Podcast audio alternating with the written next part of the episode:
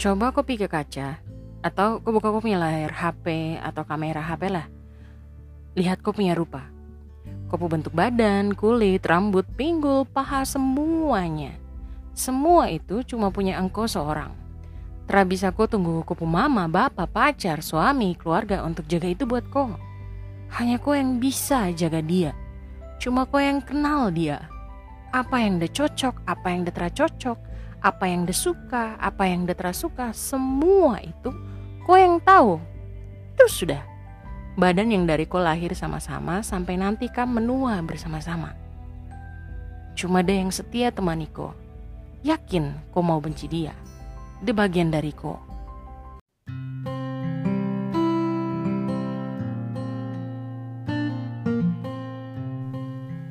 Selamat datang kembali teman-teman di podcast cerita seru Jenny Karai. Gimana nih kabarnya teman-teman minggu ini? Walau kita orang terbatas ruang gerak, Jenny Karai berharap teman-teman tetap semangat. Ruang fisik kita bisa terbatas, tapi daya semangat imaji dan mimpi tidak boleh ikut terbatas ya teman-teman. Seperti biasa, sebelum mulai Jenny Karai bakal bacakan testimoni dari salah satu pendengar podcast cerita seru Jenny Karai. Ada yang masuk dari Eci Cuit Katanya, kajian akhirnya download Spotify karena penasaran dengar kakakku podcast. Aduh, harusnya saya dari tahun lalu. Suatu yang dari hati memang pasti sampai di hati. Thank you kajian, saya baru dengar tiga nih. Tapi kena sekali jadi nagih. Terima kasih buat at Echichuit buat testimoninya. Tetap semangat deh, makasih buat dukungannya ya. Berbicara tentang tubuh ini, macam kita orang bicara tentang orang yang tong kenal. Tong benci tapi tong harus sayang dia, alias love-hate relationship. Kau sayang kau benci, kau sayang kau benci. Semua orang pasti pernah punya masalah untuk menerima dong punya badan. Saya pun demikian. Dilansir dari tirto.id, 91% responden umumnya perempuan terbahagia dengan dong punya tubuh. Ini juga senada loh dengan sebuah hasil penelitian di Amerika yang menemukan kalau 84% wanita Amerika tuh terpuas dengan dorang punya bentuk tubuh selama hidupnya. Untuk mencintai diri sendiri tidak mudah dilakukan. Mindset I hate my body berubah menjadi I accept my body. Itu butuh kesadaran dan komitmen penuh. Kita orang lihat definisi cantik dan tampan diatur oleh media dan lingkungan saat ini Media apa pun jenisnya sering mendefinisikan cantik itu berkulit kinclong, putih porselen, muka mulus, haduh. Padahal ini cuma kalau kau perawatan mehong atau pakai aplikasi beauty effect 24 jam. Rambut lurus, oh mama mia. Kau bawa ke timur, hmm, kariting. Dan badan langsing macam gitar Spanyol.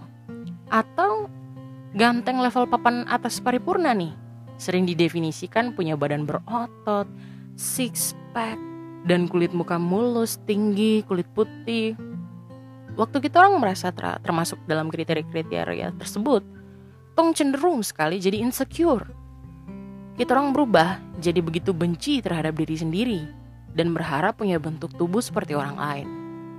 Nah, gimana nih caranya kita orang bisa menerima diri sendiri? Hmm, ada beberapa poin sederhana yang Jenny Karai bisa kasih teman-teman untuk jadi checklist teman-teman untuk mengevaluasi diri sendiri.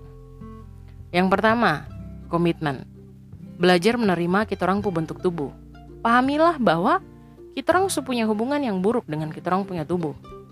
Rubah hubungan buruk terhadap dirinya kita orang ini dengan pemahaman bahwa tong ini punya hubungan yang baik, positif, dan sehat dengan tong punya tubuh. Kedua, Tanya kepada diri sendiri, kenapa kau mau berubah? Kebanyakan orang akan mengatakan dong mau orang lain suka dengan dorang, makanya dorang berubah. Entah kenapa kita orang punya diri ini percaya kalau dengan berubah, orang lain akan mencintai dan menerima orang. Eh, jangan lupa guys, Beyonce yang cantik, pinter, body bagus saja, Depu suami bisa selingkuh dari dia. Semakin kita orang berusaha untuk berubah demi orang lain, sebenarnya semakin kita orang akan merasa kecewa. Memang sih tidak dipungkiri kalau fisik yang menarik akan membuat orang lain memperlakukan kita orang berbeda. Tapi ingat, percaya diri teraklah penting. Karena kau tahu toh banyak orang yang mungkin dong punya berat cuma 45 kilo ma macam dong rasa tuh dong sudah 90 kilo. Si percaya diri. Dan fungsi aura juga ada. Ketika orang punya aura redup, well, you're perfect but eh kalau ada yang lain ketong pilih yang lain. Coba deh tanamkan dalam kau punya diri. Kalau apa pun bentuk tubuh dan warna kulit, kau akan menerimanya. Kita orang diciptakan berdasarkan gambar dan rupa Tuhan. Apa pun yang media katakan tentang bentuk fisik yang sempurna. Saya kasih contoh sederhana. Ingin kulit muka mulus nih. Ikut coba-coba sana-sini skincare ikut-ikutan ala-ala beauty blogger dorang. Beli mahal-mahal, eh ternyata kok terlalu cocok. Ayo, kenali dan pelajari dulu kondisi kau punya wajah bagaimana. De minyak kah, de kombinasi kah, atau de kering. Karena terlalu banyak memakai skincare, itu malah bikin kau punya muka lelah dan semakin berjerawat. Bahkan bisa buat kau punya muka tuh lebih tua dibandingkan kau punya usia loh. Pada akhirnya kita orang ini sudah yang paling tahu sudah ketemu punya tuh tubuh nih dom maunya apa? Kondisinya seperti apa? Jadi jangan malas untuk cari tahu dan pahami kondisi tubuhnya kita orang ketiga stop nyinyir fisik orang lain kalau mau orang lain terima kok lakukanlah hal yang sama dengan orang lain yang keempat detox sosial media. Beberapa kali Jenny Karaya udah kasih tahu sama teman-teman. Apa yang kau follow itu akan mempengaruhi kau. Mulai deh unfollow akun-akun yang buat kau terasa yang sama kau punya diri. Coba follow akun-akun yang buat kau terpacu untuk hidup sehat. Kelima, get to know your body. Nah, biasanya wanita ada waktu-waktu tertentu kita orang sebelum menstruasi ya, itu keinginan makan akan jadi tiba-tiba meroket naik menembus angka saraya. Akhirnya, kita orang jadi makan makanan yang banyak dan tidak sehat. Barang ini sebenarnya bisa dicegah dengan install aplikasi menstrual cycle. Dari situ tuang bisa tahu kapan nih jadwal selanjutnya kira-kira kita orang mau menstruasi. Keinginan makan banyak bisa dialihkan dengan makan makanan yang sehat. Selain itu, cek juga apakah kita orang punya penyakit tertentu yang buat orang harus pantang dengan makanan tertentu. Keenam, do something that makes your body feel good every day. Cari kegiatan olahraga yang menyenangkan dan tidak membosankan. Dan yang tak boleh kau lupa, olahraga itu cocok buat kau punya badan. Saya kasih contoh. Saya punya badan itu overweight. Saya tidak mungkin lari, karena itu tidak bagus untuk saya punya sendi. Bagusnya adalah saya renang atau jalan cepat. Jadi, saya akan mencari olahraga yang perfectly fit untuk saya punya bentuk badan. Bukan berarti juga teman-teman, di masa karantina ini kita orang rebahan terus. Ayo cari kegiatan yang membuat kita orang punya tubuh sehat. Selain olahraga, bisa kita orang pakai scrub atau maskeran. Terus saya paksa mau pakai yang mahal-mahal. Bahan-bahan dapur, ada yang bisa dipakai buat scrub dan masker kok. Anyway kawan, scrub dan maskeran bukan cuma buat anak-anak perempuan dorang. Tapi anak-anak laki-laki dorang perlu merawat dong punya badan. Mandi teratur, pakai deodoran, merawat muka itu penting dilakukan buat para lelaki. Bagaimana kau bisa dapatkan pekerjaan kalau kau penampilan amburadul? Si? Ketujuh, perhatikan postur tubuh. Postur tubuh yang baik akan membentuk rasa percaya diri. Tubuh tegak waktu berjalan, cara menggenggam saat berkenalan, dan saat kita menatap orang lain, itu akan berpengaruh besar dalam pertemanan. Banyak sekali orang-orang yang berupaya pakai ilmu-ilmu gelap atau ilmu hitam untuk membuat orang lain tertarik. Saya bingung juga. Mungkin karena saking terapede kah atau pemalas berusaha baik kah? Jalan lurus-lurus saja kok diberkati. Ini mau tak putar baru ujung-ujungnya kok rugi. Kita orang tidak perlu barang-barang itu kok. Kita orang bisa pelajari di internet bagaimana postur tubuh yang baik yang akan menaikkan kita orang punya rasa percaya diri dan buat orang lain tertarik. Yang kedelapan, berhenti mengkritik diri sendiri. Sebenarnya teman-teman, yang lebih berbahaya itu bukan suara dari luar, tapi suara dari dalam kita orang punya diri. Coba kau cek kembali, seperti yang sudah Jenny Karai bilang di podcast sebelumnya. Kadang, kau orang yang paling banyak bully kau punya diri sendiri Padahal terhadap batasan, kok bikin batasan sendiri. Sebenarnya orang lain tidak pikir jelek dan kau punya makeup tidak tebal, tapi kau rasa kau kasih batasan diri bahwa kau tuh jelek. bahwa aku punya makeup tuh tebal, tidak baik. Si. Terus kajian hmm, baru kenapa kita orang perlu sekali sayang tong punya badan sendiri ya? Ada tiga poin teman-teman. Yang pertama, karena Tuhan Yesus sangat mencintai engkau. Kamu orang bisa baca di Zakaria 2 ayat 8 versi TL atau terjemahan lama. Dikatakan bahwa Tuhan berkata barang siapa yang mengusik kau, berarti dia juga mengusik biji matanya. Wow, ku berharga sekali. Kedua, menghargai diri adalah menghargai siapa penciptanya yaitu Tuhan. Bagaimana orang memperlakukan tong punya tubuh, itu adalah bentuk kita orang menghargai Tuhan. Tubuh yang sehat, itu adalah tong punya modal untuk menjalani kita orang punya panggilan hidup. Yang ketiga, kalau bukan kau siapa lagi? Well, tidak mungkin toh. Kau punya mama, kau punya bapak, kau punya keluarga, kau punya pacar, kau punya suami. No, Cuma kok satu-satunya orang yang paham kok punya tubuh tuh paling suka dibikin apa, paling cocok sama apa, paling tidak cocok sama apa, dia suka apa, dia tidak suka apa. Semua itu cuma kau yang tahu. Dan itu sudah. Badan yang dari kau lahir sama-sama kok, sampai kau menua bersama-sama. Romantis tuh. cuma dia yang setia temani kau. Yakin kau mau benci dia, dia itu bagian dari kau. Well, Jenny Karai akan menutup episode podcast ini dengan sebuah kisah dari seorang sahabat tim Jenny Karai yang mau membagikan kisahnya di ruang pesan at Jenny Karai. Teman kita adalah seorang perempuan yang sakit GERD.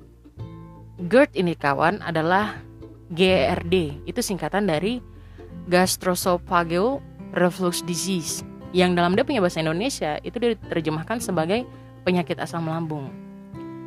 GERD ini dia sebenarnya terjadi ketika asam lambung itu dia naik kembali ke kerongkongan.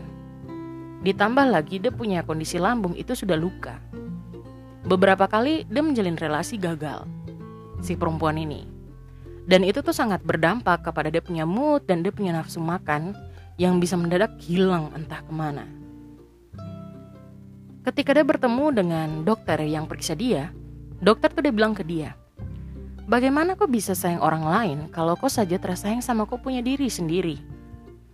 Perempuan ini dia baru sadar saat itu kalau dia lebih suka menyiksa diri sendiri demi orang lain.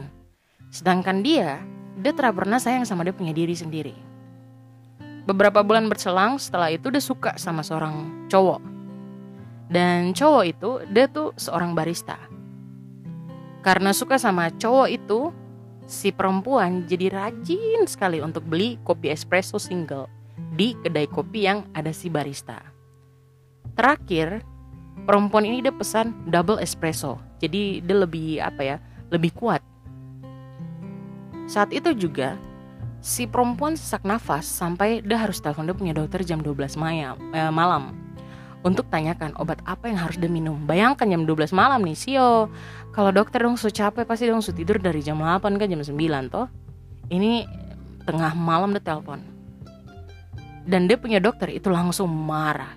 Dia bilang ke perempuan ini, "Kok harus sayang orang yang juga sayang sama kok punya diri? Jangan karena dia jual kopi, kok mau juga minum kopi. Yang kok sayang itu orangnya, bukan kopinya." Uh, sudah perempuan rasa terpukul. Dari situ dia sudah pernah minum kopi lagi.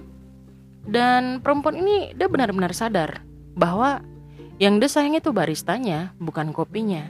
Jadi kenapa harus paksa? Dia punya kondisi lambung yang tadi sudah Jenny Karai bilang bahwa dia kena GERD sama dia punya lambung luka. Ya kenapa dia harus paksa dia punya lambung untuk konsumsi hal yang semakin menyakitinya? Dari cerita ini teman-teman, kita orang bisa mengambil hikmat sebenarnya bahwa kita orang satu-satunya orang yang paham kita orang punya tubuh seperti apa.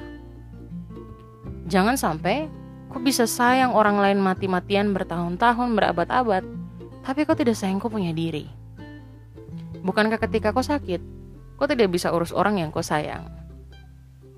Ketika kau punya tubuh kasih suara dalam tanda kutip bahwa dia sakit, atau dia tidak suka ini dan itu, baru kau mau paksa, pasti akan ada saatnya dia juga akan ngambek. Dan itu juga akan melukai kamu punya diri sendiri. Dan Jenny Karai berterima kasih untuk sahabat tim Jenny Karai yang berani membagikan kisahnya dan juga mau dijadikan pelajaran untuk kita orang semua belajar sama-sama. Well, sampai di sini juga podcast cerita seru Jenny Karai. Sampai bertemu minggu depan dengan topik yang seru tentunya. Jangan lupa dukung podcast ini dengan follow, subscribe, kasih review, serta bagikan di kamu orang punya kanal media sosial. Karena tanpa ko yang mendengarkan, dia cuma jadi cerita biasa. Tapi karena ada ko, podcast ini jadi spesial. Bye teman-teman.